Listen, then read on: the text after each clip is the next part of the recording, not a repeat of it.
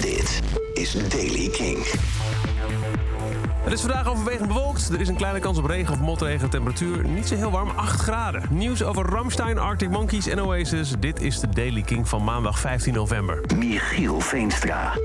Richard Kruspe van Ramstein heeft bevestigd dat de band voor hun zomertour van 2022 een nieuw album zullen uitbrengen.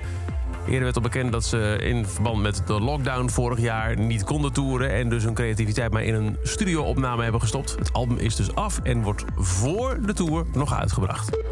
En ook Arctic Monkeys komen zo goed als zeker volgend jaar met nieuw werk. Dat vertelde drummer Matt Helders tijdens een Children in Need drumathon voor de BBC in een interview. Het nieuwe album is uh, zo goed als klaar. Nog een heel paar kleine dingetjes afmixen, zei hij. Maar uh, ja, uh, hij verwacht ook wel 2022. Hopelijk volgende zomer op tour met een nieuw album. Arctic Monkeys komen dus ook terug.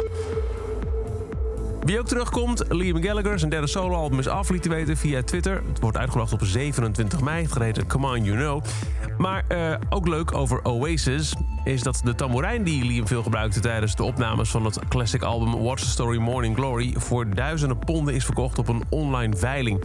De tamboerijn is onder meer te horen op Wonderwall, een uh, Champagne Supernova... en is na de opnames uit de prullenbak gered door geluidstechnicus Nick Bryan. De tamboerijn was behoorlijk gehavend, zou eigenlijk worden weggegooid. Maar je ah, toch even meenemen. En via Nick Bryan is de tamboerijn ook nog te horen geweest... op albums van Kasabian, Arctic Monkeys, Supergrass en The Verve. De verwachting was dat de tamboerijn zo'n 3 à 500 pond zou opbieden... maar uiteindelijk werd het 3600 pond.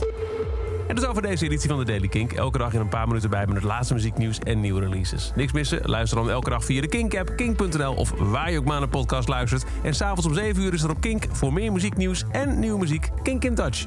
Elke dag het laatste muzieknieuws en de belangrijkste releases in de Daily Kink. Check hem op kink.nl of vraag om Daily Kink aan je smart speaker.